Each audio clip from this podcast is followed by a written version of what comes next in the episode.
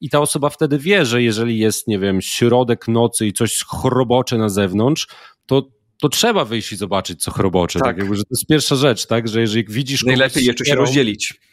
tak, jeżeli widzisz więcej terenu. tak.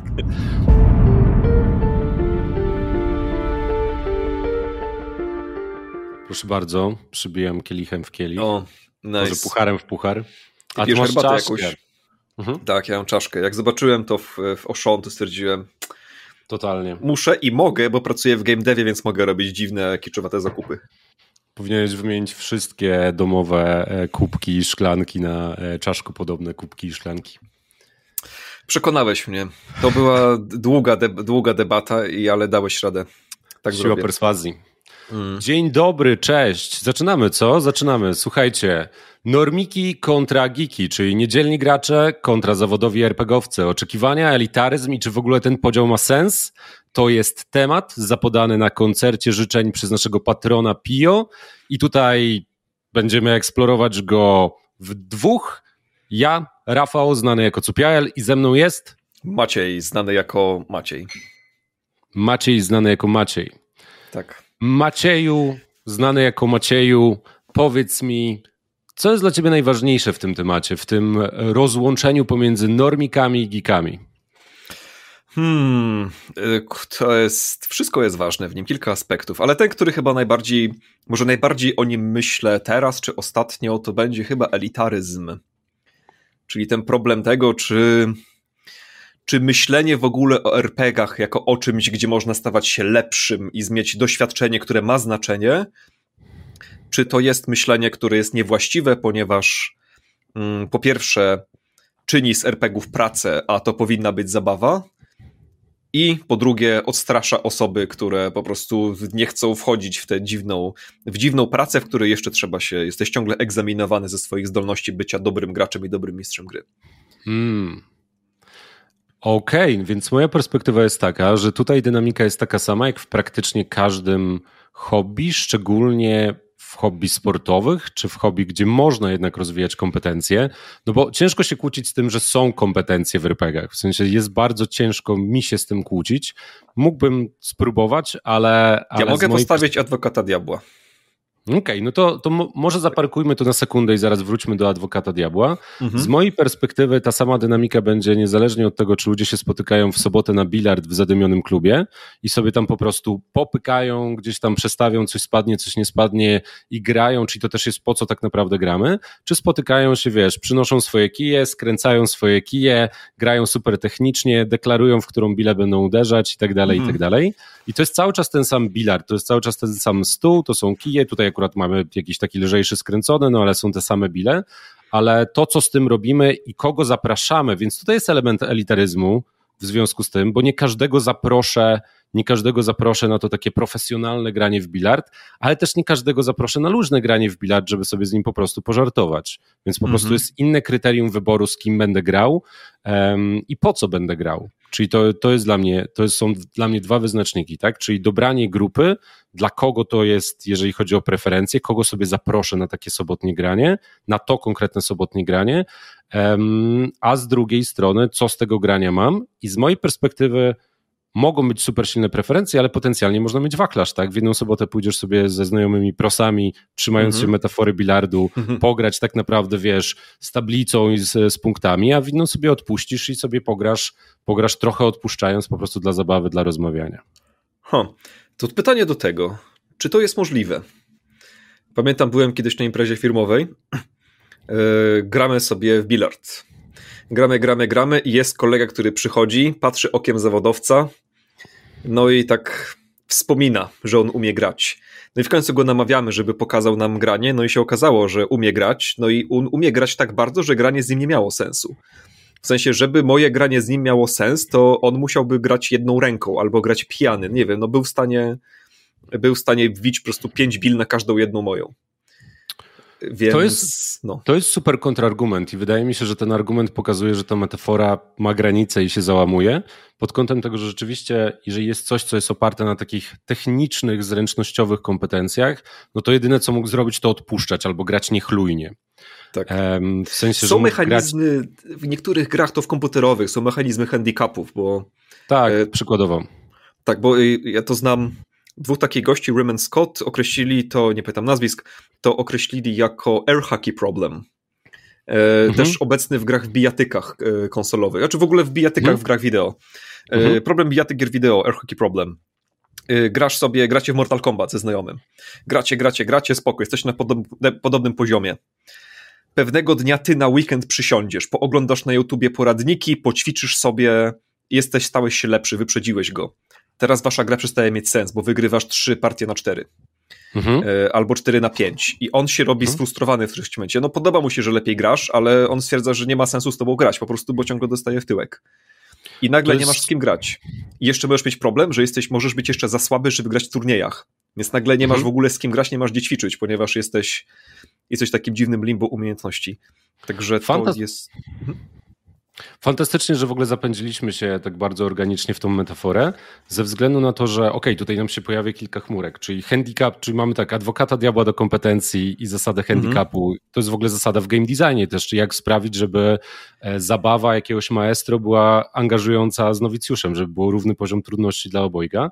Natomiast e, jeżeli chodzi o samą metaforę bilardu, to rzeczywiście upraszczając, ktoś musiałby grać niechlujnie, albo nie wiem, właśnie handicap, zamknąć oczy, albo grać na węch, cokolwiek. A wydaje mi się, że ta metafora jednak się nie przenosi na RPG, które w dużej mierze z mojej perspektywy są też kompetencją społeczną. I tutaj, jeżeli mhm. ktoś gra świetnie w RPG, ma duże kompetencje grania w RPG, to on jest w stanie nawet lepiej zagrać z mm, osobami, które pierwszy raz grają, bo wie, jak im podpowiedzieć, na co zwrócić uwagę, jak zadać dobre pytanie, jak zaadresować, hej, słuchajcie, jeżeli będzie ciekawy, jeżeli jedna osoba nie będzie mówiła przez 40 minut, tylko się podzielimy na przykład po 5 minut, czyli, czyli ze, swojego, ze swojego doświadczenia, może, jeżeli wiesz, jeżeli będzie pracował z grupą, może wykorzystać to doświadczenie, żeby wszyscy się świetnie bawili, nie? Trochę jak w improwizacji, jeżeli weźmiesz na scenę dwóch improwizatorów, jeden jest totalnym laikiem, a drugi jest maestro, to maestro mhm. będzie pracował dookoła drugiej osoby, będzie nawet beznadziejne oferty podbijał, będzie zadawał dobre pytania, będzie wprowadzał fajne rzeczy, mhm. że na koniec jak spojrzysz na to, to uzasz wow, to było dwóch świetnych improwizatorów, bo ta praca jest niewidzialna, którą on zrobił. Czaję. Czaję, wiem o co chodzi. To może ja już y, to będę na razie pełnił rolę tutaj mm, no, szatana w takim sensie, zarzut, będę stawiał zarzuty i, i, i, i tak, więc okej. Okay. Ale czy to nie działa tylko kiedy nawet ta nowa osoba też jej zależy na wzroście kompetencji. Bo teraz może ktoś w ten piątkowy wieczór przychodzi na sesję tylko po to, żeby się zabawić i sobie poroleplayować, a nie ma ochoty przy okazji poprawiać swoich kompetencji RPGowych i mieć poczucia, że ten ekspert jednak ocenia, że jakoś on, on się nie bawi tak samo, tylko on wkłada pracę po to, żebym ja się bawił i że to doświadczenie jest jednak skażone Y, tym uczeniem i kompetencją. Czyli jednak, no wiesz o co chodzi. Tak, i nie kłócę się z tym. Myślę, że 100% tak jest. Czyli jeden, jeden atrybut to jest to ten poziom kompetencji, czyli ktoś ma nie dość, że ma duże doświadczenie, czyli że gra dużo albo ma dużo sesji za sobą, to też gra świadomie, w sensie, że zastanawia się nad tym graniem, pewnie czyta, może ogląda sesje innych, robi sobie refleksje po sesji, robi sobie feedback po sesji z grupą i tak dalej, czyli chce, żeby te sesje były coraz lepsze, cokolwiek to dla, dla niego i dla tej grupy oznacza. I możemy mieć nowicjusza, który ma też takie podejście albo jest tylko ciężko mieć takie podejście, jeżeli pierwszy raz coś grasz, jeszcze się nie zahaczyłeś, że to jest hobby, w którym chcesz się rozwijać i w którym można się rozwijać, nie? Mhm. Więc potencjalnie to może się odbić, tak, że ta osoba może trafić na kogoś, kto chce, dobra, powykupiajmy się tam, opowiedzmy sobie historię, rzućmy kostkami, trochę pogadajmy o naszym życiu i tak dalej, czyli ma zupełnie inną wypłatę z tego grania, to może być dokładnie taki zgrzyt, jak powiedziałeś, a może być też osoba, która się zahaczyła, albo zobaczyła jakąś fantastyczną sesję pod kątem, nawet nie, że aktorskim fantastyczną, nie, że zajerała się critical role, ale pod kątem historii, albo tego, jak ludzie fajnie budowali na swoich pomysłach, no mm kurde, też chciałbym w ten sposób, też chciałbym w ten sposób, e, nie wiem, grać, opowiadać, rozwiązywać problemy w fikcji i tak dalej, i tak mhm. dalej. Więc to rzeczywiście zgadzam się. Czyli możliwe, że docieramy y, do tematu payoffu faktycznie, o którym mówiłeś, mhm. czyli że doświadczenie będzie bardzo mocno zależało i jego rola i, i problemy i zalety z nim związane od payoffu, czyli po co grasz w RPG. Jeśli mhm. ogólnie zależy ci na tej kompetencji, w jakiej skali, to nie musi być jedyny twój motywator i rzadko będzie w ogóle jedyny motywator, natomiast jeśli go cenisz, bo przychodzi, zdarza się, przychodzi nowy gracz i od razu jest zainteresowany tym, jak stać się lepszym graczem, mhm. a inny nie. I więc jeśli tak, no to, no to, no to spoko. No to, czyli możliwe, że po prostu fundamentalny temat to jest temat payoffu. Mhm. Który bardzo. No, I to... Podzieli nam to pytanie na mniejsze pytania, mhm. i w te pytania będę miał łatwiejsze odpowiedzi o to, co z doświadczeniem. Tak, i mam anegdotę do tego, ze względu na to, że spotkałem się z przyjacielem, który akurat przyleciał z Wielkiej Brytanii, poszliśmy na spacer, no i pytał co u mnie, zacząłem opowiadać, hej, wróciłem w ogóle do RPGów po latach i bardzo dużo gram. On powiedział, o super, w ogóle tam raz grałem za dzieciaka. On powiedział, o, bardzo mi przykro, jest program 12 kroków na to. Dokładnie, nie? w sensie przykro mi, mogłem, liczyłem, trzymałem kciuki, że ci dobrze pójdzie w życiu. Natomiast powiedział, a tam ja grałem za dzieciaka, więc wiesz co, ale on jest taki bardzo chętny do próbowania nowych rzeczy, ale w życiu bym nie mhm. założył, że on będzie chciał technicznie grać. Więc mm. no weź, to jakbyś coś organizował, to po prostu daj znać, zagramy, zagramy sobie online. E, I zaczęliśmy grać online i była jedna taka dyskusja, zapauzowałem, bo chciałem coś wyjaśnić w związku z mechaniką, pozycją fikcji i zacząłem to tłumaczyć i miałem z tyłu głowy cały czas, kurczę, w sensie mówię to totalnemu loikowi, staram się to dobrze tłumaczyć, ale pewnie go to zupełnie nie interesuje, w sensie jak ta pozycja w fikcji wpływa teraz na odpalenie mechaniki czy coś. Mhm. I na koniec sesji on powiedział, ej, super, że zrobiliśmy tą dyskusję, strasznie mnie to jara, że zrozumiałem lepiej jak ta gra działa, czy mógłbyś mi coś podesłać o tej mechanice, to bym sobie poczytał, więc miałem takie, o, ciekawe, w mm. sensie, że, że tak randomowo trafiłem kogoś, kto chciałby jednak technicznie grać, co też nam pokazuje dokładnie ten payoff, payoff o, którym, o którym rozmawiamy. Tak, czyli to już pokazuje, że właśnie to jest nawet ważniejsze niż doświadczenie, ponieważ mhm. E, w pewnym rozumieniu on był zaawansowanym graczem już od początku. Z perspektywy podejścia do gry, tak, tak, tak, tak, tak. Z perspektywy patrzenia na grę, wow, chciałbym się tego nauczyć, jest to ciekawe, w ogóle super, że porozmawialiśmy o tym, jak to wpływa na fikcję i tak dalej, i tak dalej. Mhm. E, tak, ale tak mi się wydaje, że do tego to będzie zmierzać tak naprawdę, że doświadczenie, doświadczenie będzie bladło przy tym temacie, czego szukamy w RPGach. Mhm. A czy bo... na, pewno, na, pewno, na pewno doświadczenie w stylu, że masz dużo punktów odniesienia, bo grałeś różne sesje z różnymi grupami, więc mhm. możesz z niego też czerpać i możesz powiedzieć, hej, kiedyś mieliśmy ten problem i w ten sposób go rozwiązaliśmy. Albo tu jest dosyć niejasno napisane to, ale w takiej grze innej, w której grałem, jest praktycznie identyczna zasada, ma lepszy wording, więc wydaje mi się, że to działa w ten sposób. Często przy PBTA tak jest, że jest jakiś taki ruch, który jest, który jest jakiś rozmyty, ale wie, że to jest jeden z tych uniwersalnych ruchów, który jest związany z inwestygacją albo przekonywaniem. I mówisz, mhm. tu jest lepszy wording praktycznie tego samego ruchu i nagle masz kliknięcie i to jest kwestia doświadczenia, no bo grałeś w tamtą grę. Tak, czuję, że faktycznie w grach, w grach PBTA i PBTA jest to, no, pomaga zrozumieć, zwłaszcza e, potem możesz pytać, ok, co w tym systemie jest ruchem e, act under stress, tak, under tak, pressure, tak, bo tak, większość tak pyta, ma taki ruch i tak dalej, i tak, tak dalej. Tak, tak, i możesz grając w drugą grę, lepiej, więcej się uczysz o pierwszej, potem grając w trzecią, więcej się uczysz o znowu pierwszej, o drugiej i tak dalej. I te gry, to, że grasz w te różne gry, to pozwala ci zrozumieć, lepiej sobie zmapować rzeczy z innych. Tak, tak, to wracając do payoffu, to pomyślę, na razie myślę w bardzo takich dwóch dużych kategoriach. Możliwe, że to nie są wszystkie kategorie. Tak czuję i już mam nadzieję, że to nie są wszystkie kategorie, ale mam tych graczy, którzy chcą technicznie dobrze grać. Mhm. E, albo może, może nie ogólnie chcą dobrze grać, bo to może też obejmować graczy tradowych, którzy chcą szkolić swój warsztat językowy, opisowy, wiedzę i mieć sesję, która ma dobry kontent fabularny, symulacyjny i tak dalej. Więc to jest jakaś taka duża kategoria graczy, którzy chcą grać dobrze. No i potem jest jakaś kategoria, która przede wszystkim y, chce, no powiedział, chce się dobrze czuć na sesji.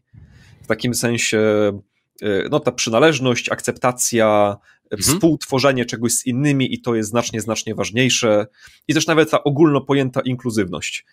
E, mhm. Teraz, znaczy rozumiem teraz tak w tym dosłownym rozumieniu tego słowa, tak ogólnie, a nie tam precyzyjnie na przykład, że mhm. Mm, chodzi o integrowanie mniejszości, ale tak ogólnie inkluzywność, czyli właśnie tego, że jestem częścią tego wydarzenia, jestem akceptowany i, i, i tak dalej. Więc doświadczenie w kontekście tych dobrych e, graczy wydaje się prostsze, jakby, znaczy łatwiej to zrozumieć.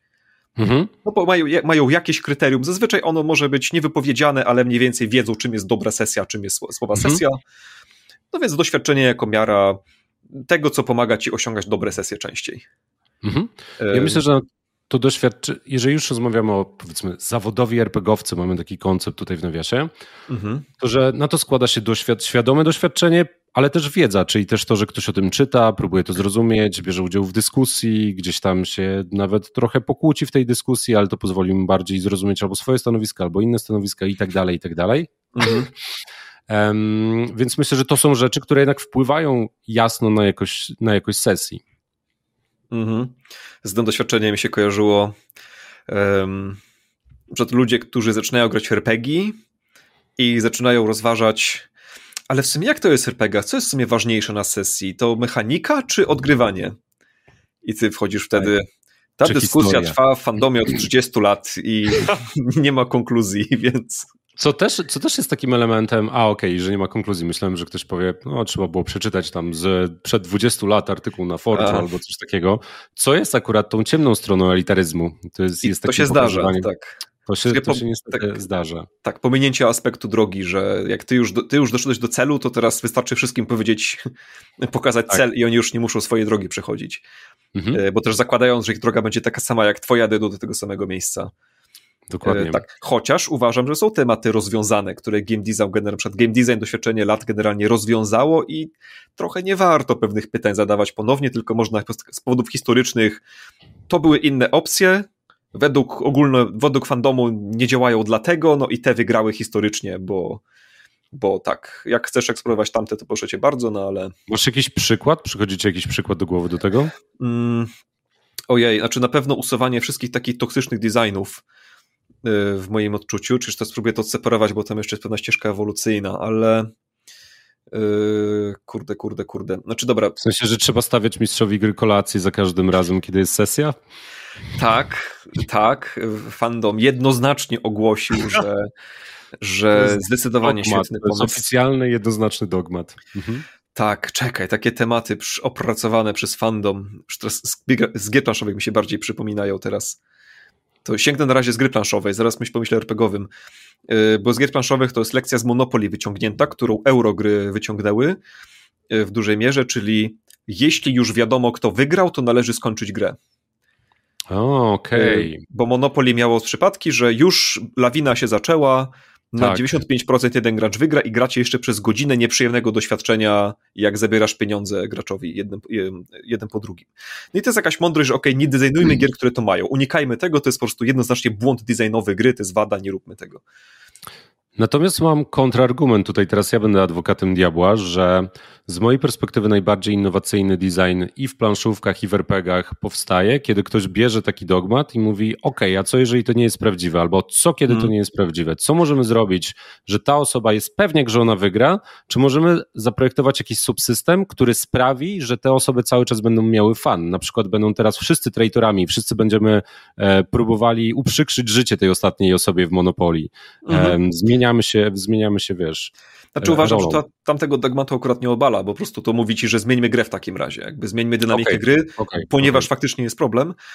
Um, no tak, że nie ma, nie ma sensu grać w grę, w którą jedna osoba gra i tak wygrała, więc to jest taki Wynik jest rozstrzygnięty, tak, jakby po prostu mamy jakiś taki super długi epilog.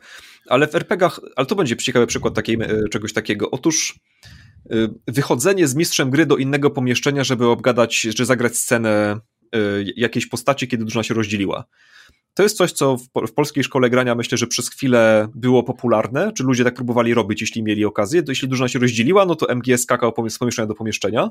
Mhm. Zwłaszcza kiedy był jakiś moment właśnie, żeby za, kiedy zależało nam na tym, żeby gracze nie wiedzieli, co się dzieje. Mhm. Drugich, wydaje mi się, że praktyka trochę nas przekonała yy, do takiego w miarę konsensusu, żeby tego nie robić, że jednak doświadczenie, że to czekanie tych innych graczy Y, mhm. nie było warte tego, co, co, ten, co te motywy miały dawać. Trochę w podobnej kategorii są sekrety, te, pisanie karteczek mistrzowi gry ciągłe. Mhm. Y, robienie jakichś takich dużych, sekretnych wątków, że to jest coś, co już powiedziałbym, że zapadła pewna konkluzja tymczasowa, bo zaraz można ją odwrócić albo zrobić wyjątek, przez zrobić grę, mhm. grę o tym, że się wychodzi z pomieszczenia i jest to tak zaprojektowane, że jest to spoko. Ja znowu, ja znowu bym to zakwestionował pod kątem tego, że moja indywidualna preferencja jest zawsze granie w otwarte karty na poziomie graczy, czyli jeżeli są jakieś intrygi, w sensie ja gram w takie gry, no to one są niejawne dla postaci graczy, ale zazwyczaj są jawne dla graczy, czy nawet konflikt pomiędzy postaciami. To jest nasza kooperacja, żeby konflikt był ciekawy, co nie zmienia faktu, że grupa z bardziej nordyckim zacięciem, jeżeli chodzi o, o takie podejście bardziej imersyjne do grania, mogłaby wykorzystać tą technikę, czy nawet wkomponować ją w design i to mogłoby działać, że hej, jest, nie wszyscy wiedzą, jest ukryta mechanika traitora, wiesz, są rzeczy, które są gdzieś tam właśnie w karteczce pod stołem, czy pisane na privie. Mountain mhm. Witch trochę tak może działać, a to już jest taka forge'owa gra, gdzie wiesz, masz też ukryte agendy i też masz jakieś takie pojedyncze rzeczy. To tu zaznaczę od razu, że miałem w takim razie, miałem też na myśli um, przy graniu w sposób klasyczny, czyli że masz mistrza gry graczy i nie masz gry, która jest specjalnie designowana pod jedną mechanikę. Mhm. Bo to jest w sumie bardzo duże ale do tego tematu. Ja, mm. więc ja bym zrobił tak. Ja bym um, stawiam na swoim, mówię, styl, styl można to dograć na poziomie grupy, e, ale myślę, że to nie jest. Zaetykietowałbym, trochę się przekomarzam z tym stawianiem na swoim, natomiast zaetykietowałbym, żebyśmy wrócili do naszego głównego tematu, tak, bo tak, to tak, jest już tak, taki tak. temat na zupełnie inny podcast. Um, I to, co jak, jak ja sobie patrzę na to, na ten tytuł, i to jest normiki kontra geeki, a w nawiasie niedzielni gracze kontra zawodowi RPGowcy, to wydaje mi się, że właśnie geek jako słowo dla mnie jest bardziej określeniem zajawki niż doświadczenia, czyli jest bardziej za, e, określeniem mhm. tego, że ktoś się, wow, nawet jest na początku, nowe hobby, super, chcę dowiedzieć się, jak to mogę robić najlepiej, chcę poczytać, chcę pooglądać czyjeś sesje, czyli to jest ta puenta, którą mieliśmy w sumie na początku, że tą, tą geekowość, normikowość um, wyznacza postawa i nastawienie do grania, a nie konkretnie doświadczenie, doświadczenie. Tak, znaczy ja bym tutaj też za bardzo z tym słowem geek się nie żenił. Uważam, że dla, yy, znaczy też tak interpretuję temat, że to bardziej są te niedzielni gracze kontra zawodowcy. Okej. Okay. Tudzież eksperci, tudzież weterani, że tu jest, yy, tu jest ciekawa rzecz, chociaż, a czy w sumie to są dwa osobne pytania, bo osobne pytanie jest takie normiki kontra geeki, czyli co z RPGami, jeśli nie siedzisz w kulturze RPGów i -hmm. nie jesteś zajawiony hobby, czyli takie RPG RPG dla casuali, za przeproszeniem, a może nawet, ale RPG na przykład dla, dla mamy, RPG dla taty, mhm. nie zainteresują się nowym hobby i nie będą zainteresowani siedzeniem na forach i komentowaniem y, opinii Trzewiczka z magazynu Portal w 2001 roku. Y, pytanie, czy jesteś w stanie dać im doświadczenie RPGowe fajne mhm. na wieczór, zamiast mhm. planszówki albo zamiast czegoś tam. Mhm. Um, no dobra, to widzę, to mam dwa tematy w takim razie. Ten i drugi temat to jest, czym się różni granie z twojej, mojej, naszej perspektywy z prosami, a niedzielnymi graczami, ale bym zaadresował najpierw ten, o którym powiedziałeś. Z mojej perspektywy 100% można ja tak bardziej storygrowo patrząc widzę, widzę analogię do tego, jak to wygląda w planszówkach, tak? Widzę analogię pomiędzy tym, że są naprawdę proste, e, rodzinne planszówki, które mają bardzo mały cognitive load, żeby do nich podejść, a jednocześnie są fajne nawet dla osób, które są prosami planszówkowymi. Mhm. Z mojej perspektywy Carcassonne tak działa do pewnego, do pewnego momentu. E, nie wiem, czy kojarzysz, układasz tak, płytki, tak, tak, tak. miasta i tak dalej. Prosta mechanika, możesz osobę praktycznie w każdym wieku tego nauczyć. Dla osób, wielu osób to jest takie bardzo przyjemne i fajne doświadczenie. Um, więc tak, więc. Coś, co w ogóle planszówki po prostu też dobrze zrealizują designowe pryncypium, że generalnie pożądanym stanem jest gra, która jest easy to learn, hard to master. To jest, to, tak. W sensie bo gry, które w ogóle zdały mm. próbę czasu, takie bardzo są, na przykład szachy. Mhm. E, uczenie się zasad szachów to jest 5 minut. Natomiast tak. nauczenie się dobrze grać w szachy to jest całe życie. Tak. Przecież jest duża, duża e, myśl w game designie board, board game'owym, że szachy nie są dobrą planszówką. E, ale okay. to jest temat, ale to jest temat na inną, na inną dyskusję koniec końców. Z wielu tak. różnych powodów, jeżeli chodzi o zaangażowanie i tak dalej. Y, fair enough, tak. Natomiast, ale bo te gry mają wiele zalet właśnie jeśli chodzi o próg wejścia, że możesz faktycznie, każdy może zagrać w szachy. Mhm. Tak samo jak w zasadzie każdy może zagrać Dixita, czy każdy może zagrać w Carcassonne, bo te zasady siadasz i wyjaśnisz je w 10 minut. Wow, to jest, to jest moim zdaniem jeszcze jeden temat, czyli to jest temat tego, bo z jednej strony są osoby, które i w planszówkach mają podejścia, że dobra, tutaj kryterium wejścia elitarnym jest to, że trzeba ogarnąć 50 stron jakichś małych reguł na pamięć, na blachę je wkłuć i dopiero wtedy możesz dobrze grać tą planszówkę, kontra to, co powiedziałeś, co dla mnie jest też moją preferencją, czyli minimalne zasady, ale um, gra oparta na kompetencjach, czyli za każdym razem jak grasz, to, może, to uczysz mhm. się lepiej ją rozgrywać. Um, tak. I to jest ale to od razu innego. można przynieść na RPG, bo uważam, 100%. że tak ta oś w RPGach też po prostu jest. 100%. Czyli są gry, no, Dread mi się przy, przychodzi na myśl jako jedna z prostszych, tam Adventures, takich półka wyżej, ale nie super skomplikowane. Mhm. mhm. No dobra, Dread, y, jesteś w stanie siąść i wyjaśnić zasady Dreada w 10 minut.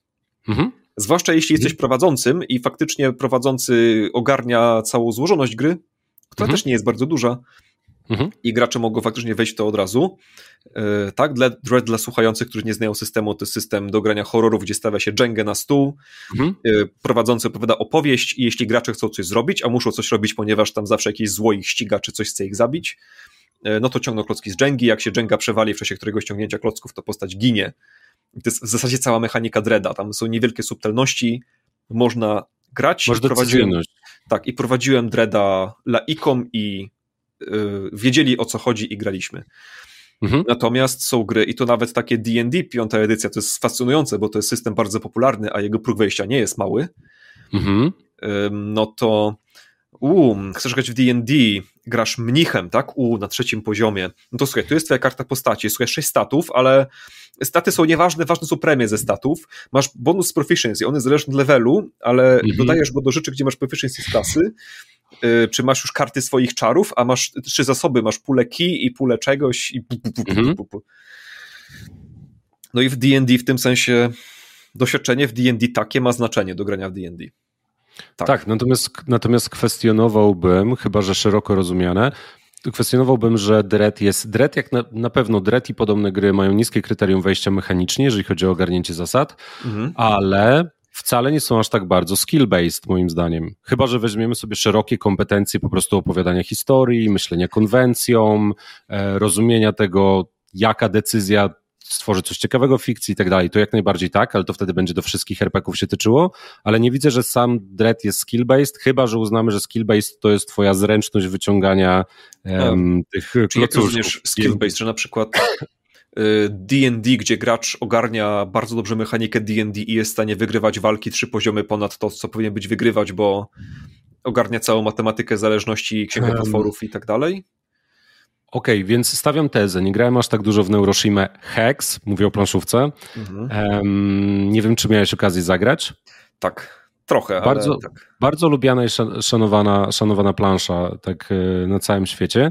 Tak. I z mojej perspektywy, jeżeli ktoś e, grał więcej, to niech się wypowie, ale z mojej perspektywy e, mechanika jest prosta, w sensie rozstawiasz i tak dalej, odpalasz, kiedy jednostki działają, mhm. ale, ale jest skill-based, bo rozwijasz dany sposób myślenia, czyli po prostu patrzenia na planszę, robienia kilku kroków do przodu, myślenia systemowo, co się zadzieje i tak dalej. Więc to jest, to jest dla mnie przykład tego, że coś jest skill-based, czyli grasz na tych samych zasadach często, ale to, czego się uczysz, to jak w ramach tych ograniczonych mechanik mhm. najlepsze decyzje podejmować i w jaki sposób myśleć z tą grą. Czyli tak, czyli bycie dobrym w D&D mhm. to będzie to samo, czyli to jest gra, która ma y, jakieś zwycięstwo, jakieś warunki zwycięstwa, i gdzie znajomość tej gry, gdzie możesz być lepszy w osiąganiu tego zwycięstwa lepiej, mhm. częściej. Mhm. Tak, i to jest no coś, teraz... co gra RPG może mieć, nie musi.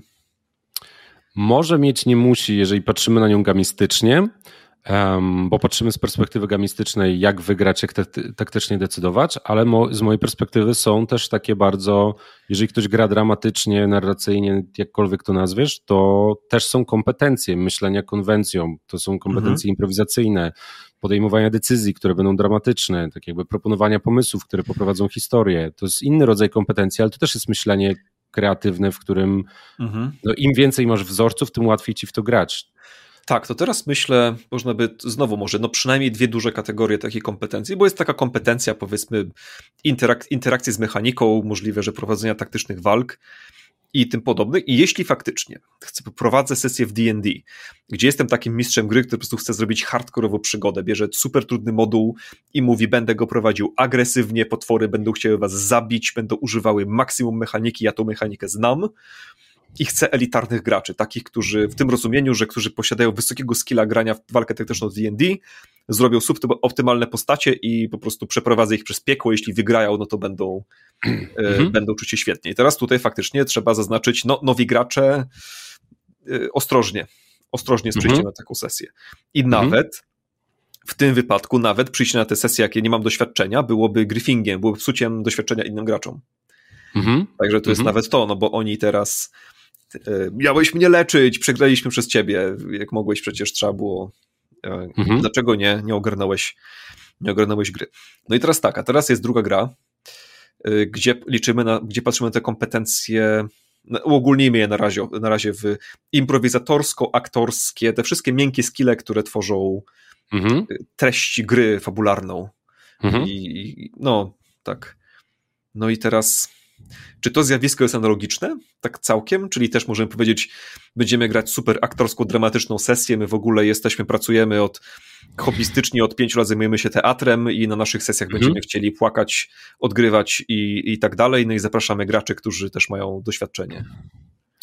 Myślę, że tak. Myślę, że można to przełożyć. W sensie chciałem pójść w trochę mniejszej skali doświadczenie, że jeżeli się gra w Dreda, no to oczywiście wyjmując kompetencje po prostu nietrzęsącej się dłoni i technicznego wyciągania klocuszków, mhm.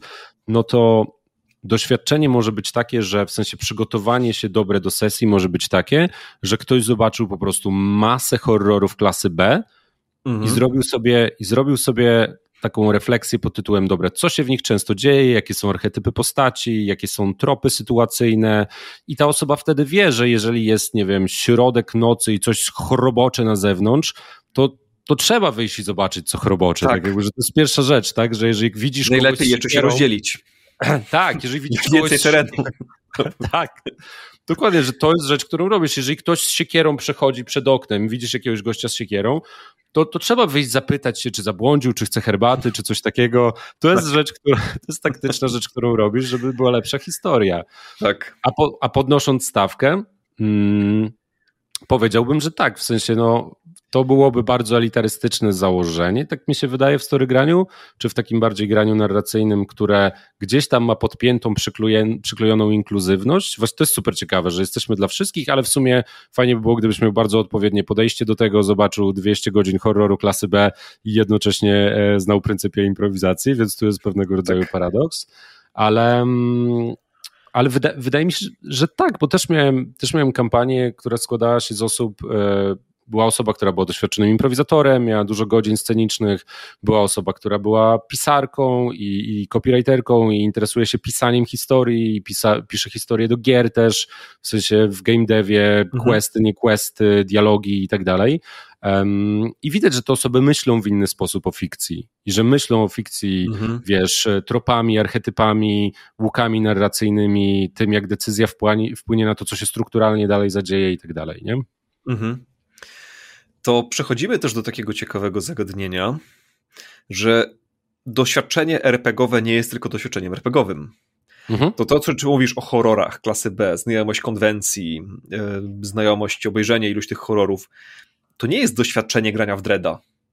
Mhm. To jest, że taki Dread po prostu sprawdza twoje doświadczenie swoje zamiłowanie do horrorów i ich rozumienie i zdolność tam improwizacji, tworzenia fabuły i tak dalej. Mhm. Więc i tu są, tu, tu są przypadki, teraz to się dzieje, że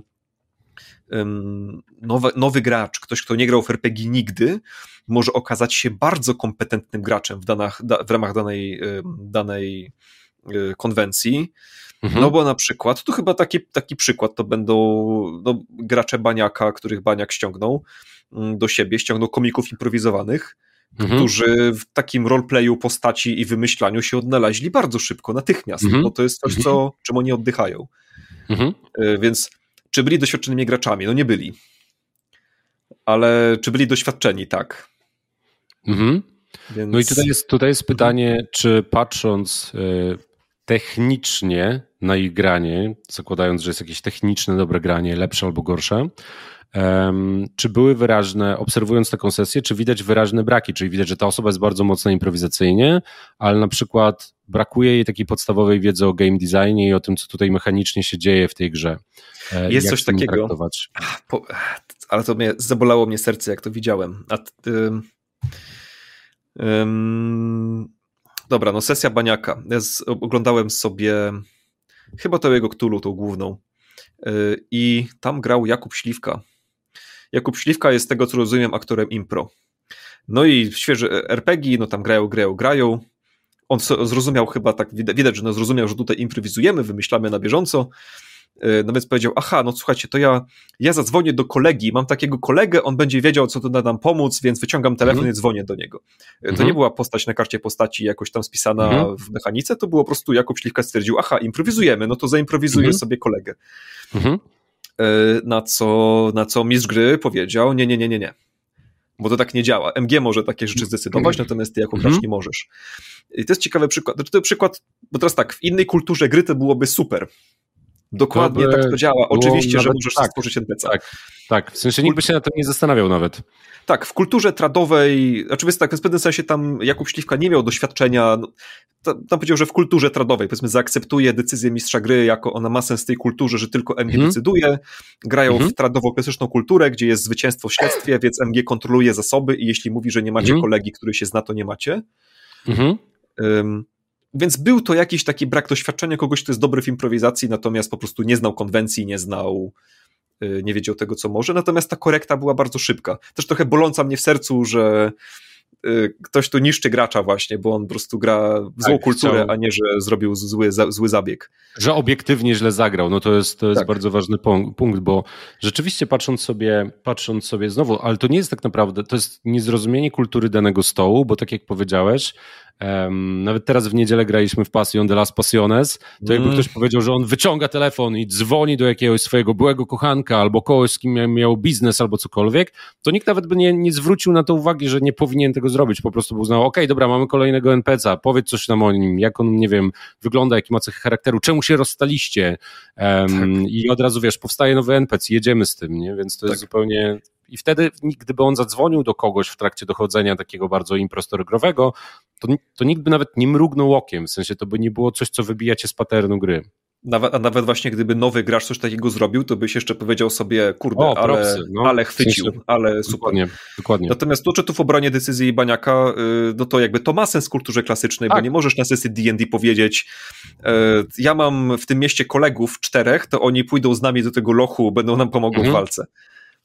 Tak, 100%, ale ja mam ciekawe doświadczenie, doświadczenie to obrazujące, jak całe życie gdzieś tam, e, całe życie dziecięce, jak moje, moje, moje w ogóle lata tradowe, czyli tam lata w gimnazjum, podstawówce i tak dalej i potem po latach chciałem wrócić do RPGów, nie mając świadomości, że są w ogóle kultury jakieś inne, że można, mhm. można grać inaczej.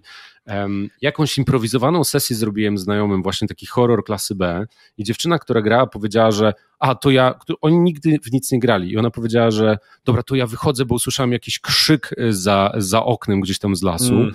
Pamiętam, jak ja byłem oburzony, zbulwersowany, że ona mi wprowadza jakiś krzyk z lasu do sesji, tylko ja mogę wprowadzić krzyk. Jak może grać tutaj krzyk, nie? Więc uff, żyłka, tak. Przeramowałem to, że wiesz, że to jest halucynacja, ale no. Mm. Nie mając w ogóle, nie mając w ogóle takiej, widzisz, no i teraz, teraz grałem wtedy w RPG kilka lat. Grałem tak. w ogóle tradowo kilka lat i ja nie miałem takiej perspektywy, że hej, no to super, nowy gracz coś wymyślił w ogóle, to znaczy, że jest zaangażowana ta dziewczyna w grę, że ona w głowie ma w ogóle, że już coś się dzieje, jest jakiś krzyk, już gra tym horrorem, nie? Mhm. I tu przechodzimy do doświadczenia też ciekawego, trochę po stronie mistrza gry.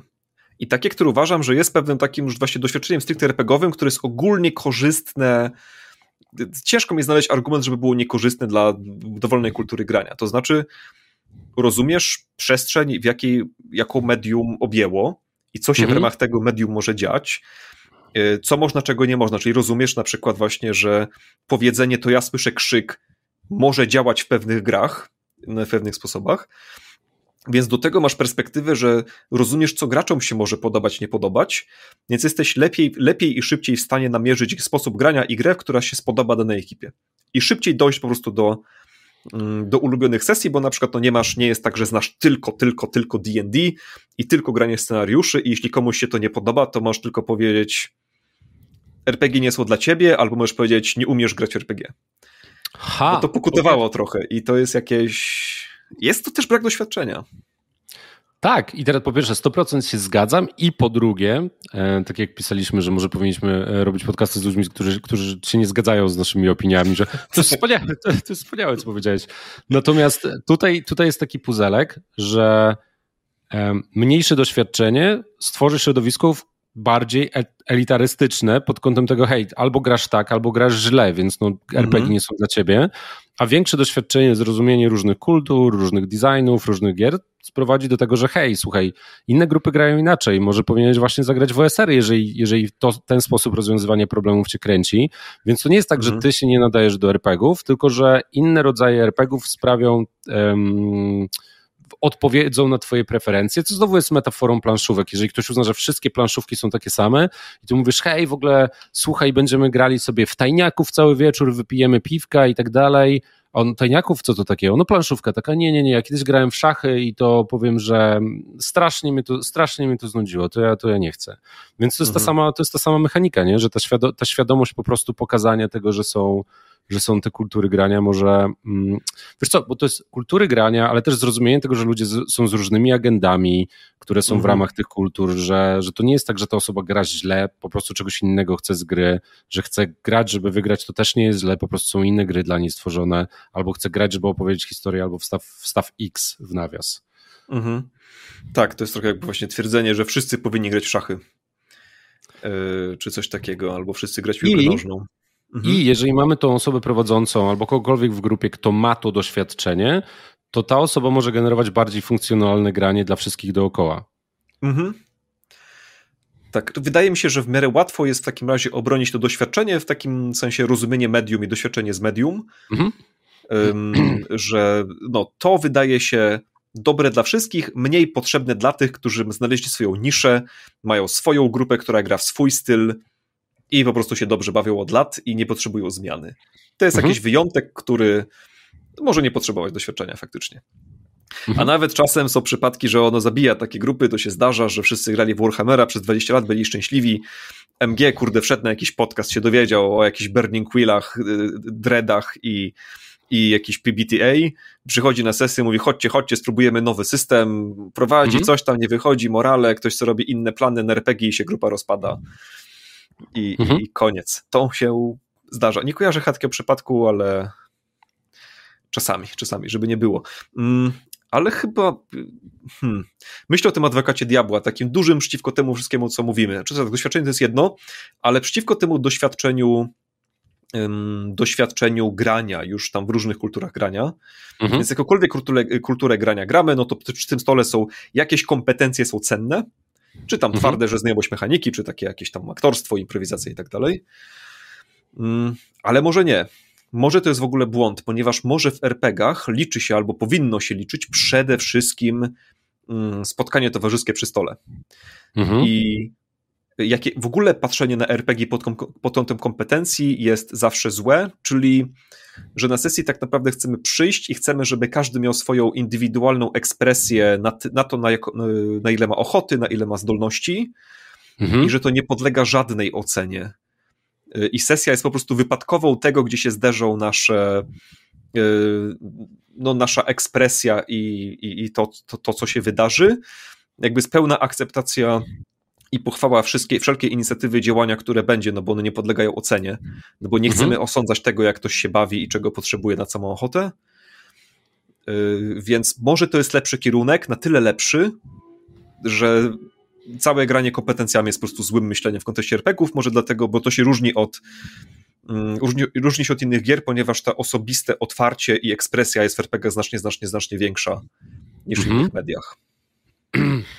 Okej. Okay to wydaje mi się, że to już jest dyskusja na poziomie wartości, bo tak jakby jeżeli będziemy dyskutowali na temat, na temat tego, czym są RPG, wychodzimy tak bardzo wysoko i tutaj, czym są RPG nawet pod kątem, pod kątem profesjonalizmu właśnie, czyli tego, o czym rozmawiamy, bo Meg Baker miała taki podcast, na którym postawiła tezę, że RPG to sztuka ludowa, mhm. że to mhm. jest w ogóle folk art, czyli że spotykamy się, robimy ekspresję siebie, robimy przedstawienie czy doświadczenie dla siebie, gramy, projektujemy, potem ktoś siada w domu, coś projektuje i tak dalej, że to jest po prostu, że to spełnia wszystkie założenia folkartu i sztuki ludowej, że to nie jest wysoka sztuka pod kątem tego, że teraz wiesz, w Filharmonii zagramy w RPG i wszyscy będą nam klaskać, um, ale z drugiej strony pamiętam, że Mateusz kiedyś na luźnych Wyobrażam to sobie, po prostu sobie wyobrażam, to jest przepiękne. Wszyscy, wszyscy w smokingach generalnie, wiesz, zamykasz ten fortepian, stawiasz dreda na fortepianie,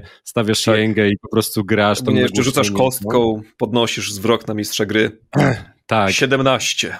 Du, du, du, du. gry kiwa głową, publiczność z ciszy na chwilę wznosi się oklaski. Tak, no masz improwizatorów muzycznych ze wszystkimi w ogóle takimi, e, masz kogoś tam, kto wiesz, robi, robi na basie jakieś takie du, du, du, dum w momencie, w którym ktoś otwiera. E, znaczy, śmiechy śmiechami, ale y, wiesz, że Baniak prowadził sesję w Filharmonii? A, nie. A, to, to, to, to nie w Filharmonii chyba tak, nie, gdzieś na scenie, gdzieś z orkiestrą chyba, czy jakimś tam y, grali na żywo soundtrack do sesji, więc to... I to nam pokazuje, że nie ma tej zero-jedynkowości, bo to był bardzo przekonujący podcast, na którym Meg dyskutowała o tym, że to jest sztuka ludowa, że to jest folk art. Um, na jednym z luźnych wrzut Mateusz postawił taką tezę, że RPG mogą być medium, są i mogą być medium na równi z filmem, książką, um, nie pamiętam co tam jeszcze było, i że to jest osobne medium, rządzą, rządzą, które się rządzi osobnymi prawami, swoimi prawami. Mhm. I jak z każdą kompetencją, szczególnie weźmy sobie tą metaforę muzyczną, skoro już jesteśmy w filharmonii, możesz uznać, że hej, ważne jest, żebyśmy się spotkali sobie w sobotę i podjazzowali sobie, weź harmonijkę, coś tam ogarniasz, nawet jak jesteś samoukiem, ja sobie wezmę gitarę i sobie zrobimy jakiś jazz, nie będziemy mhm. tego nagrywać, nie będziemy nic z tego robić, ale z drugiej strony możemy uczyć się grać technicznie, możemy technicznie, nie wiem, zrobić koncert, albo możemy to nagrać, albo możemy po prostu mieć, nawet jeżeli tego nie nagrywamy, satysfakcję z tego, że uczę się coraz lepiej grać na gitarze, nie? Więc to jest mhm. też kwestia payoffu.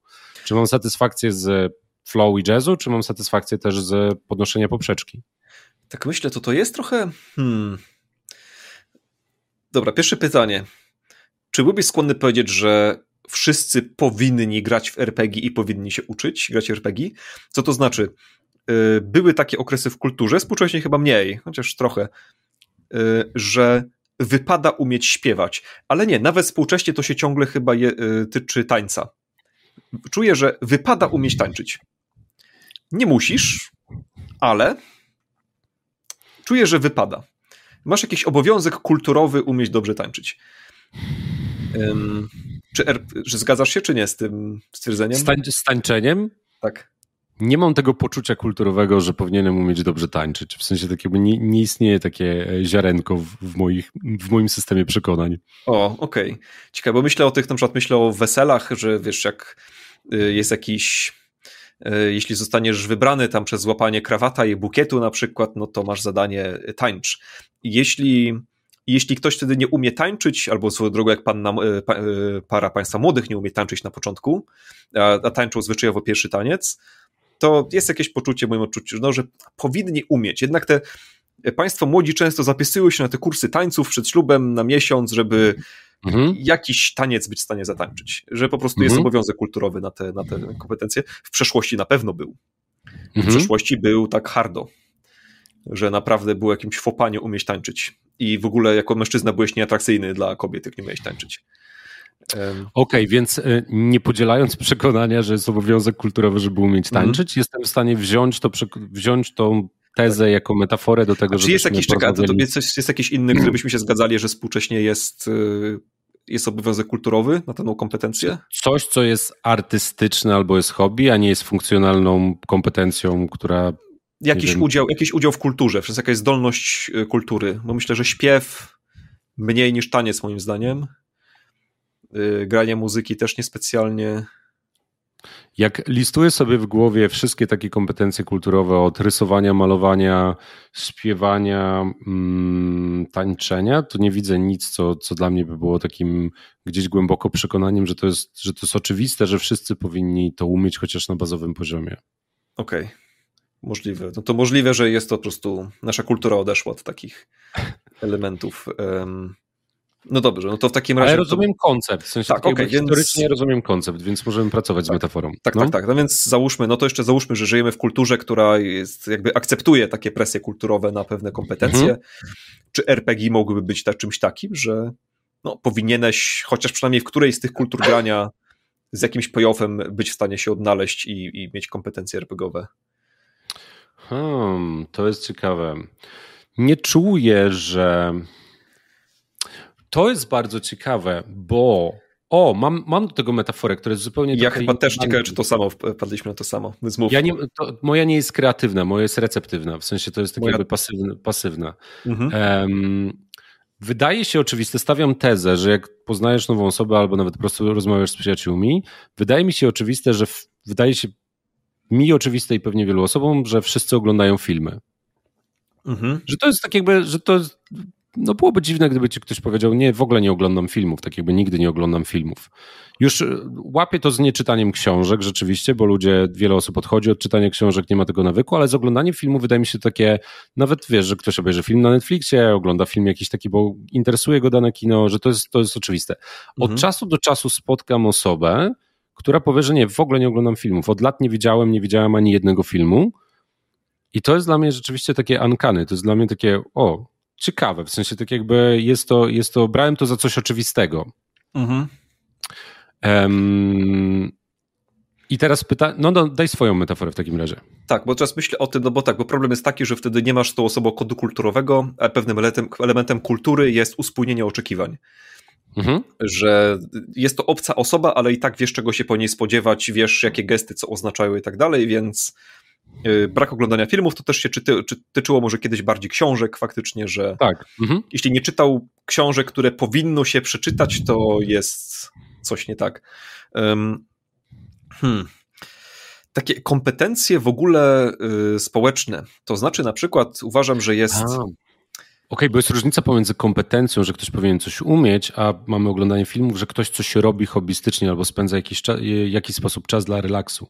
Więc to jest, chciałbym doprecyzować Twoje mm, pytanie. Tak. Czy Ty mnie pytasz, czy z mojej perspektywy czy każdy powinien mieć kompetencję rozwiniętą granie w RPG, czy tak, każdy tak, tak, powinien spróbować RPGów, żeby, żeby doświadczyć Nie, przede wszystkim kompetencje grania, czyli że możesz, czy że jeśli obcą osobę wciągniesz do sesji, czy jest jakieś wesele i złapałeś krawat i dziewczyna złapała no. bukiet i teraz ty prowadzisz jej sesję, mhm. a ona gra, ponieważ jesteśmy, żyjemy w RPGowym świecie, na RPGowym weselu, mhm. Y, to czy mogli od ciebie oczekiwać, że będziesz umiał prowadzić sesję, chociaż cię w ogóle nie znają?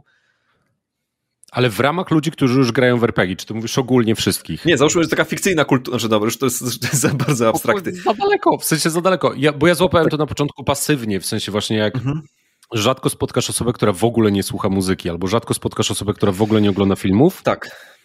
Więc spróbuję na to odpowiedzieć.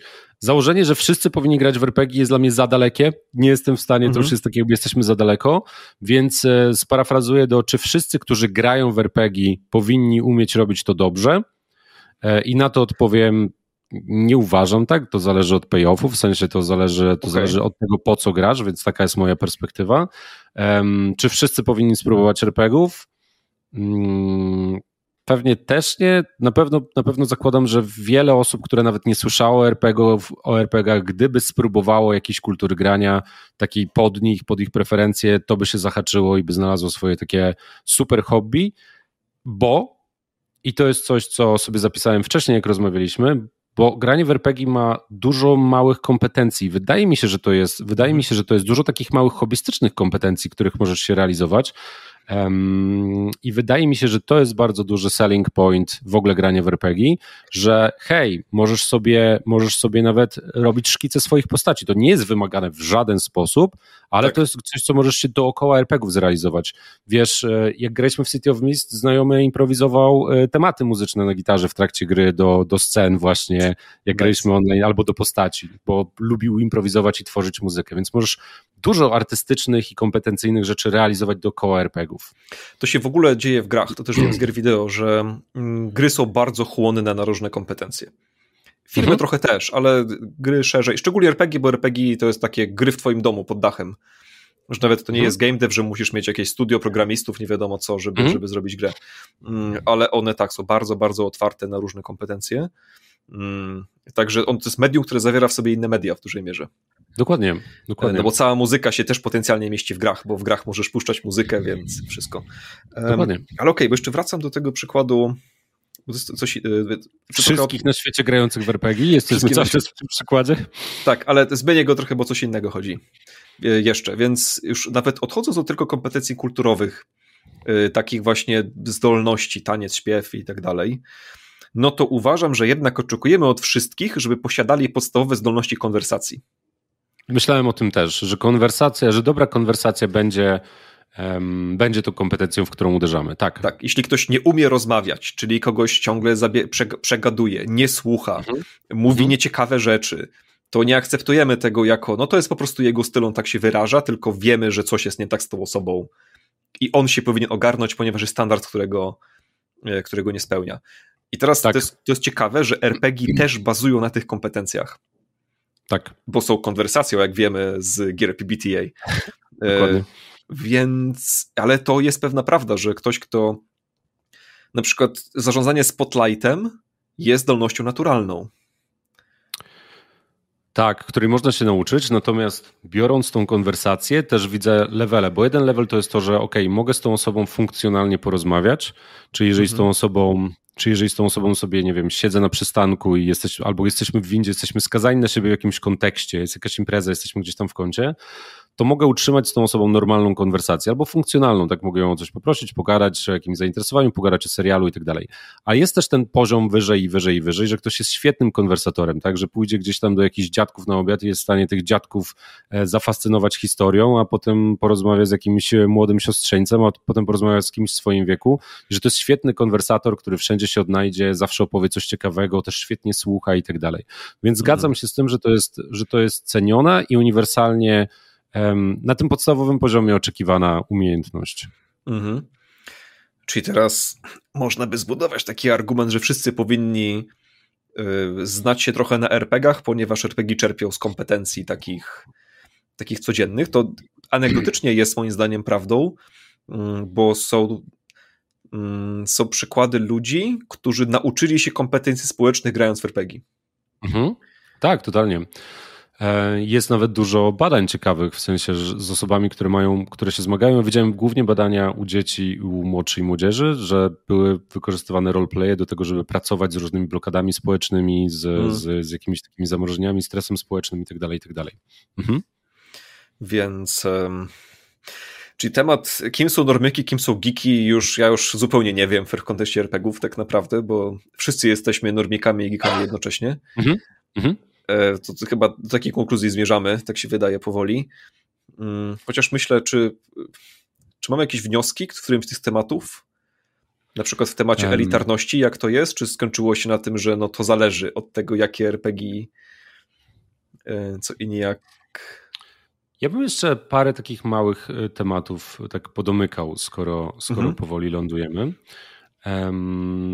Bardzo ciekawa była ta dyskusja dla mnie, jeżeli chodzi o konwersację jako uniwersalną kompetencję, ale poza konwersacją to tyle rzeczy się składa i bardziej wymaganych, i mniej wymaganych na RPG, i tyle potencjałów otwierają, co to znaczy być geekiem, że jak wzięliśmy sobie, że nawet nie weźmiemy sobie tego dreada, albo weźmiemy sobie coś, co jest bardziej me zmechanizowaną grą, to mhm. masz tak, wiedzę na temat game designu i zrozumienie tego, jak działają i funkcjonują mechaniki, masz wszystkie impro, teatralno-odgrywaniowe rzeczy, masz zrozumienie gatunku danego, w który grasz, masz te artystyczne rzeczy, które możesz dodać, czyli rysowanie postaci, granie muzyki do tej, do tej sesji, czyli w ogóle jakieś takie artystyczne światotworzenie, e, robienie mapek, więc to jest super ciekawe, że możesz mieć dwie osoby, które są dobrymi, doświadczonymi graczami, cokolwiek to znaczy. Jedna może mhm. robić muzykę do gry, druga w ogóle może nawet nie umieć w strunę trafić na tej gitarze. Jest dużo kompetencji w ogóle niewymaganych, które upiększają tylko to takie folk artowe, sztuki ludowej doświadczenie.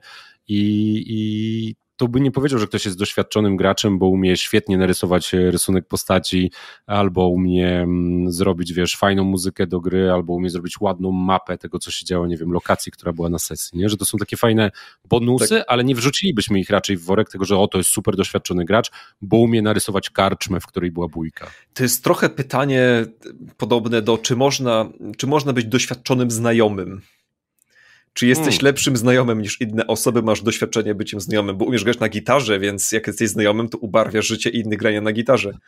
Ciekawe, ale z drugiej strony można być, można być lepszym albo gorszym przyjacielem, tak mi się wydaje, tak. w sensie, że są pewne zestawy, nie wiem, wartości, czy zachowań, czy reakcji. Nawet umiejętności na swój sposób też, Umiejętności, myślę. tak, tak, tak, tak, tak. tak to um, pytanie, czy to umiejętności, czy nawyki, no ale też, myślę, że umiejętności też, no.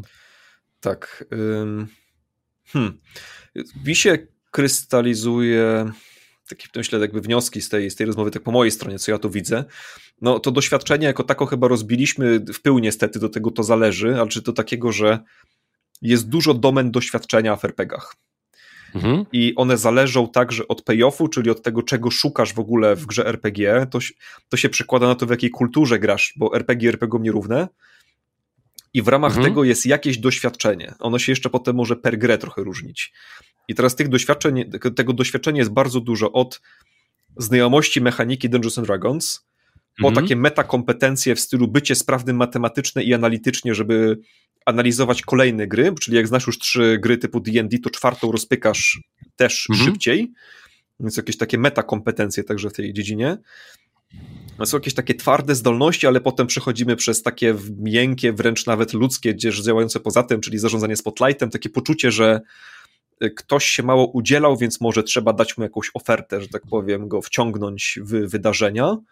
Mhm. Y, plus właśnie kompetencje aktorskie, improwizatorskie i tak dalej. I yy, i co? No i ciężko jest powiedzieć tutaj, ciężko jest uogólnić moim zdaniem e, do tego, czy ktoś jest doświadczonym graczem, czy nie, że to trzeba bardzo rozpatrywać per, per kategorię. To mhm. ma taką pułapkę, znaczy pułapkę. Problem doświadczonych graczy, moim zdaniem, problem to są, bo teraz tak, wchodzimy na grupy facebookowe, które rekrutują graczy albo tam mistrzów gry i tak dalej. I widzę często posty, gdzie gracze mówią, mam doświadczenia albo nie mam doświadczenia. I przez to, mhm. co rozumieją? Rozumieją ilość przegranych sesji w dany system i znajomość mechaniki, czyli tą trochę wąską mhm. kompetencję twardego rozumienia mhm. danej mechaniki. Y, problem w tym podejściu uważam, że jest taki, że jest generalizowanie wąskiej puli doświadczenia jako, y, że to są RPG i teraz to jest w ogóle doświadczenie z RPGami. No mhm. i, tu, i stąd wychodzą te historie, które ma wiele osób, zwłaszcza takich, co prowadzą różne indie gry, Wziąłem Fejta, poprowadziłem trójce znajomych, którzy nie grali nigdy w RPG, oni świetnie grali, ja się świetnie bawiłem, oni się świetnie mhm. bawili. Mhm. Bo się okazuje, że tamto doświadczenie potrafi być bagażem o tyle, o ile ono fokusuje, że musi być quest i ja muszę zrobić questa. Gramy mhm. w Fejta, żeby poopowiadać opowieści, gdzie jest quest. Mhm. E... Jednocześnie wydaje mi się, że to doświadczenie, które ktoś tam gdzieś wypisuje, też pokazuje ci jego preferencje, bo jeżeli ktoś ci pisze na jakiejś rekrutacji, hej, chciałbym znaleźć jakąś grupę, lubię RPG, grałem w D&D te trzy edycje, w Pathfindera, w to, w tamto, w tamto, to, to widzisz tak jakby, że ta osoba gra bardzo wąski e, zakres na przykład designu, e, mhm. więc masz silne preferencje. Jeżeli ktoś napisze, hej, uwielbiam RPG, przez ostatni rok się wkręciłem, grałem w Dreada, For the Queen, zagrałem kilka sesji w Fiasco, um, zagrałem i wymienić kilka takich bardziej story gier albo wymienić 10 PBTA i tu też widzisz zupełnie inną preferencję i to jednak jest jakiś rodzaj doświadczenia, e, tak. który, który przewiduje to, że z tą osobą rzeczywiście, jeżeli weźmiesz sobie jakiś taki dedecoid, to ci się dużo lepiej zagra, a z tą osobą, jeżeli weźmiesz, nie wiem, nawet Iron Sword, no to ci się lepiej zagra potencjalnie. Tak. Chociaż okej, okay, czuję, że Iron Sword może przekraczać, no ale weźmiesz jakieś, jakieś PBTA takie, takie starsze, to, to, że to pewnie kliknie, nie? Tak.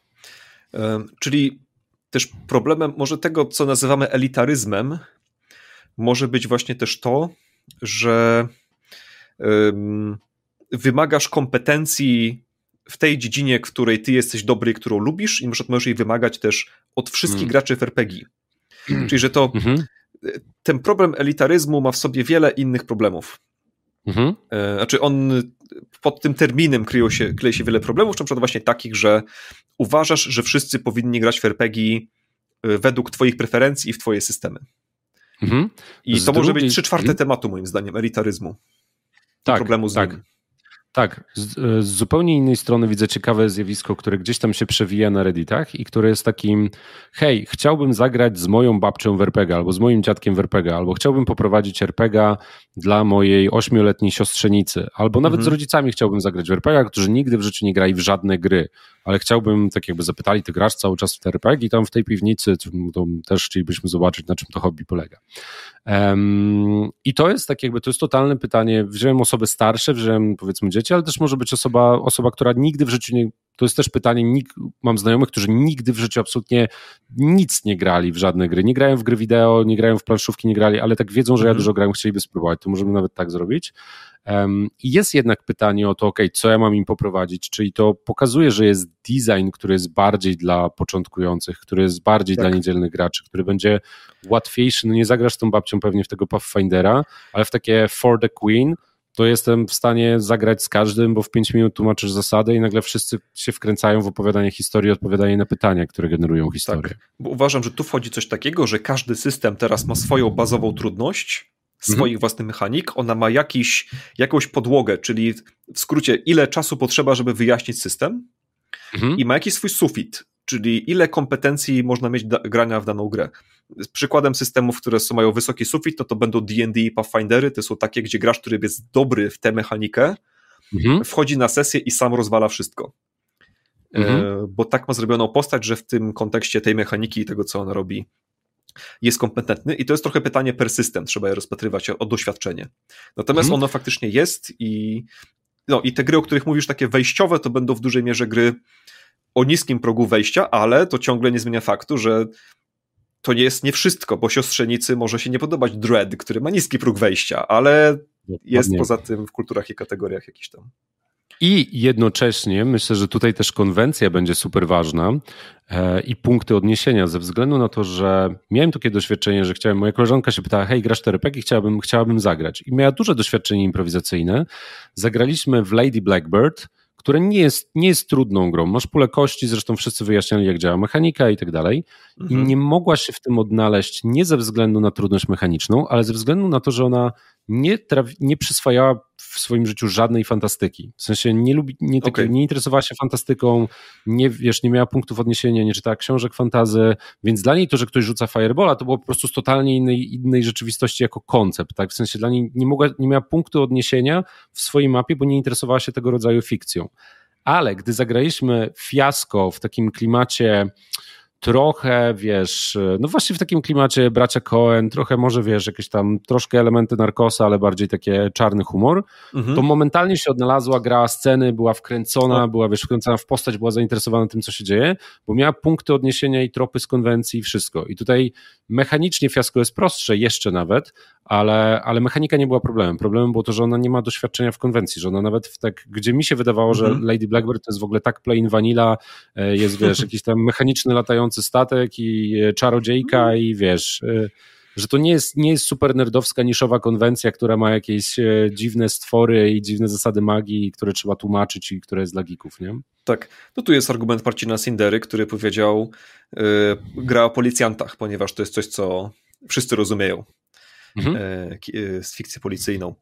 Natomiast, więc co do doświadczenia, powiedzmy, ja tutaj rozbijam trochę ten temat właśnie na takie jedno wielkie to zależy, e, ze świadomością od czego zależy, bo ona jest bardzo cenna w tym. To nie jest tak, że to jest bezproduktywne rozbicie, ale widzę trochę uniwersalnej kompetencji i to mhm. jest po pierwsze taka erudycja RPGowa, świadomość różnych stylów grania, tego co RPG mogą robić i jak to mogą robić, że mogę też rozpoznawać u innych graczy potrzeby, pragnienia i dobierać gry pod to, albo dobierać po prostu sposób prowadzenia i grania, no bo to mhm.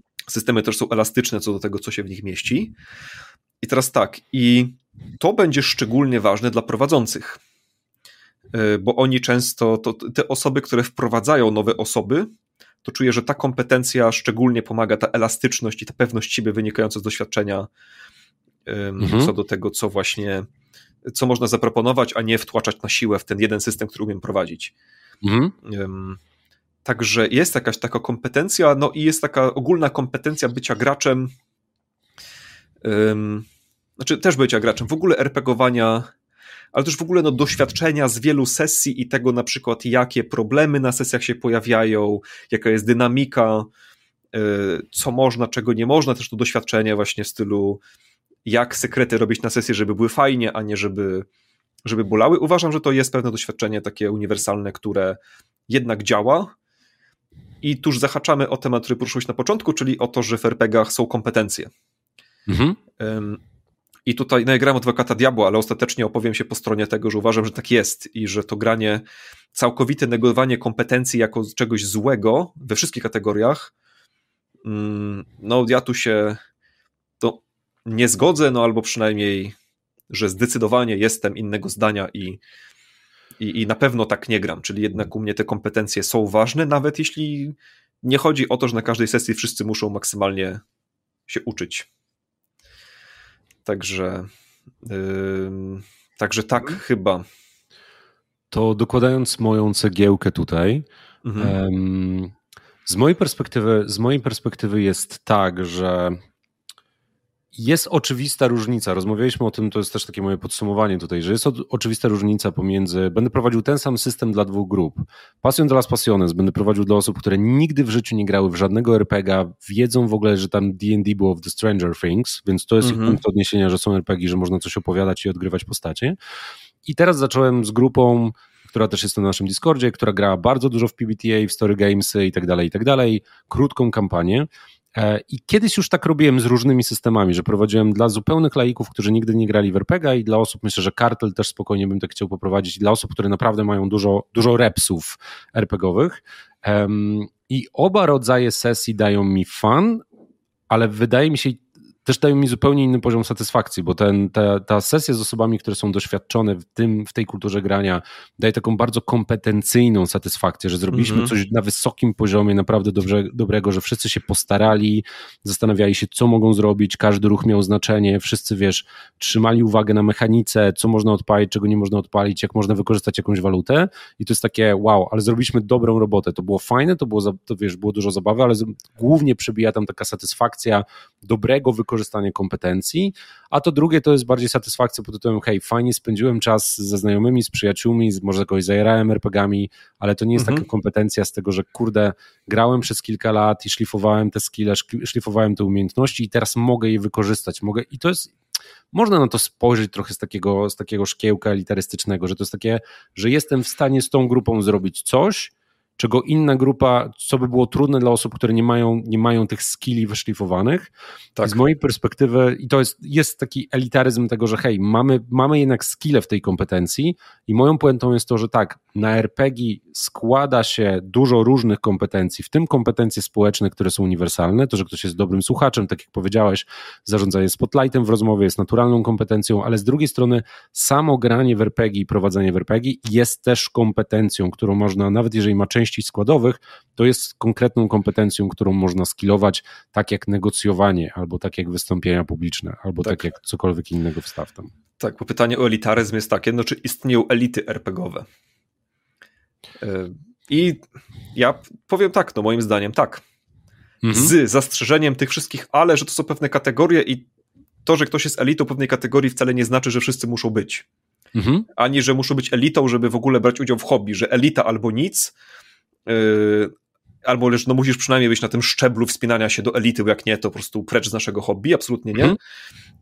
Mhm. Ani, yy, ani, że trzeba być właśnie tylko w tej kategorii, w której on jest elitą, czyli na przykład zdolności aktorskie, to jest król RPGów i trzeba być aktorem, mhm. to są najlepsi gracze. Też nieprawda, jest bardzo wiele kompetencji w RPGach, bardzo wiele gier, stylów i, tak, i tak dalej. Natomiast koniec końców powiem, że no w tym sensie są elity w RPGach, tak uważam, bo tak jak są elity we wszystkim, co jakoś zależy od kompetencji. Dokładnie, bo wszystkie, każde hobby, które jest oparte na kompetencjach, jest oparte na kręgach. Zawsze będą niedzielni, e, niedzielni, nie wiem, motocykliści, niedzielni planszówkowcy, niedzielni wędkarze i będzie geekowało do środka, gdzie są osoby, które tam odróżniają siedem różnych rodzajów wędek do spinningu i tak. generalnie nie akceptują tego, że ktoś na jakiejś tam żyroskopowej, węglowej, przepraszam wszystkich miłośników wędkarstwa w tym momencie, ale jakiejś węglowej, źle zaginającej się pod złym kątem, w ogóle śmie iść na rzekę, kiedy to jest czysto, powiedzmy tam jeziorne albo tylko na górski strumyk o określonej szerokości. No, tak, tak, zawsze, tak. zawsze będą te kręgi i są. I też uważam, że to, um, że to dodaje wartości hobby, że, że jeżeli, tak. że możemy się odnaleźć na różnych punktach styku z tym. Tak, i zawsze będą te memiczne grupy. Czekaj, to jest forum miłośników latarek?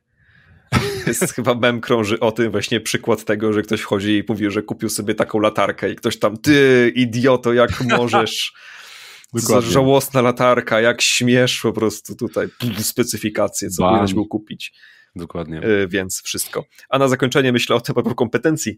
Są też takie kompetencje, hmm, nawet złe doświadczenie, może temat na osobny podcast. Na przykład w graniu tradowym, takim patologiczno-tradowym, czyli też takim, które próbowało łączyć sprzeczne cele ze sobą, mhm. są kompetencje łatania tego. Uważam, że ten nurt okay. w mierze działał na kompetencjach łatania. To jest takie trochę złe doświadczenie. Mhm. Powiedzmy, ja takie oceniam, no oczywiście można się kłócić, że nie, że ten nurt tak działa i że on wymaga tego doświadczenia. Natomiast te rzeczy w stylu mam pełną decyzyjność postaci, ale muszę uczyć się wyczuwać sugestie mistrza gry, że trzeba iść za wskazówką i się mhm. zgadzać na nie. Mhm. To też jest no to... doświadczenie RPGowe, ono się mieści w tym, co mówiłem o takich zdolnościach, to trochę szerzej, bo ono jest ono tam jest doświadczeniem takim kulturowym, czyli nie tylko D&D, tylko szerzej wszystkie gry oparte o questy, mhm. które są de facto liniowe, chociaż jeśli udają, że nie, Mhm. Więc tutaj zaznaczam, no to też są kompetencje. To też są skille i wydaje mi się, że one są trochę wyjęte na powierzchnię w storygraniu, gdzie po prostu uczysz się tego, żeby zapytać o konsent i powiedzieć, hej, to pauza. Tak jakby mam, mam zajawkę na to, żeby pójść w tym kierunku z moją postacią, ale pytanie, czy nie rozwalę wam tym zabawy. Więc tak jakby negocjujmy, czy się z tym dobrze czujecie i tak dalej, bo to może zupełnie zmienić fikcję. Jest, wiesz, szybki check z grupą i szybkie sprawdzenie, albo ludzie po prostu, którzy już się dograli, bo to, to jest znowu doświadczenie z daną grupą, czyli znasz graczy, znasz ich preferencje, znasz ich relacje, reakcje, tak. wiesz do kogo, wiesz do jakiego gracza, nie do postaci, wiesz pod jakiego gracza robić określone wątki, to określone jest... łuki narracyjne. A, to tu jest niebezpieczna rzecz i chyba tu jest problem tam, gdzie rozumienie doświadczenia i umiejętności miesza się z hierarchią wartości. Hmm. Czyli jest hierarchia wartości, wzięcie questa jest ważniejsze niż robienie y, grania realistycznie i ważniejsze niż robienie tego na całą mhm. w grze. I to jest pewna wa hierarchia wartości, która jest nieoczywista i teraz zależy mhm. gry może być różna. A teraz można powiedzieć, to są RPG i doświadczony gracz wie, że tak jest. I traktowanie tego jako umiejętność. Mhm. Tu może być pogrzebanych bardzo dużo psów. E, to są często te artykuły, w sensie pięć rzeczy, które każdy świetny MG powinien robić, powinny robić. To tak. są, wiesz... A de facto te artykuły próbują przekonać, mój sposób grania jest e, słuszny i tak macie to robić. Tak, tak, tak. tak I tak. dlatego w sensie, one są wkurzające. Zakładam, że są uniwersalne rzeczy. Jeżeli tam będzie uważnie słuchać, no to ciężko się z tym nie zgodzić. Tak jakby słuchać tak. innych graczy i osoby prowadzącej, no to ale pytanie, na którym, na którym poziomie jest to aż, aż e, oczywiste, że zaczyna być truizmem. Tak, no ale są takie umiejętności właśnie w stylu no, dbania o innych graczy, właśnie dawania tak, spotlightu, tak, tak. rzucania ofert w rozumieniu improwizacyjnym. No. Tak, tak, Wydaje tak. się, że ciężko będzie znaleźć system, gdzie ta zdolność nie będzie działała mhm. i nie będzie przydatna. Mhm, Także tak to. Czy nawet pryncypium moim zdaniem, kurczę, no chociaż tutaj wchodzimy, bo powiedziałbym, że pryncypium, że wow, to jest ciekawa pętla, bo teraz zacząłem, zacząłem dwiema, dwoma swoimi perspektywami się kłócić samemu w własnej głowie, bo chciałem powiedzieć, że można zrobić pryncypium, nawet jak gramy, tak wiesz, dla zmasterowania gry, mhm. to i tak warstwa społeczna jest najważniejsza, ja bym powiedział tak ze swojej perspektywy, w sensie, że mhm. dobra, gramy dla zmasterowania gry, ale jeżeli mój sposób grania technicznie doprowadza cię do furii i do frustracji, to jednak gramy, jesteśmy tutaj grupą znajomych, którzy się spotkali albo nieznajomych pograć, więc pauzujmy, przegadajmy to tak jakby. Argument jest taki, że bo inaczej i tak przegrasz. To jest argument ze szczurami. A, e, Szczury okay. mają zapasy i, i, niektóre wygrywają, ale jeśli szczur nie będzie wygrywał przynajmniej jedną trzecią razy, to odpuści walkę z tym szczurem. Po prostu bo wie, mhm. że nie ma szans. Mhm. Więc w RPGach zmasterujesz grę kosztem tego, że się znajomi na ciebie obrażą, nie będą chcieli grać. Tak. Po co ją masterowałeś, skoro teraz nie możesz grać? Nie no, w sensie jak grasz online masz nieskończoną ilość grup, no ale to jest znowu no to przechodzimy na poziom tak. wartości. Znowu ale pewne coś, że wygrywasz, y, wygrywasz wtedy, kiedy jesteś kompetentny, ale grając, więc chcesz jednocześnie maksymalizować kompetencje, ale także ilość grania.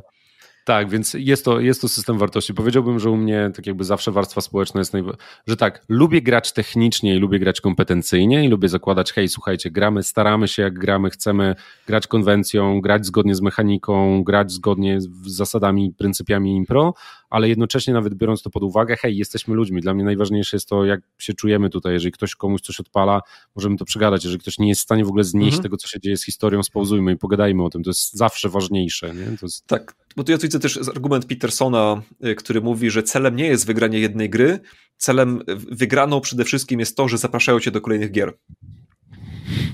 E, ale coś tym jest, sesjami, tak? Że, bo co to znaczy wygrać sesję? No zdobyłeś puchar, ukradłeś go innym graczom i, tak, tak, tak, tak, tak, tak. i mówiłeś najwięcej dowcipów na temat filmów i, i wygrałeś sesję. Gratulacje, koniec twojej przygody to z RPGami. To jest niesamowite, jak to jest poprzeplatane i myślę, że to się bardziej zlewa w RPGach, a jest to bardziej czarno-białe w planszówkach. Jest to moim zdaniem, chociaż mhm. kurczę, może nie, no każdy z miał, horrorowe, każdy z nas miał pewnie historie, jakieś różne zgrania, więc... Ale planszówki są chyba bezpieczniejsze w takim sensie, zdają bardziej przewidywalne doświadczenie.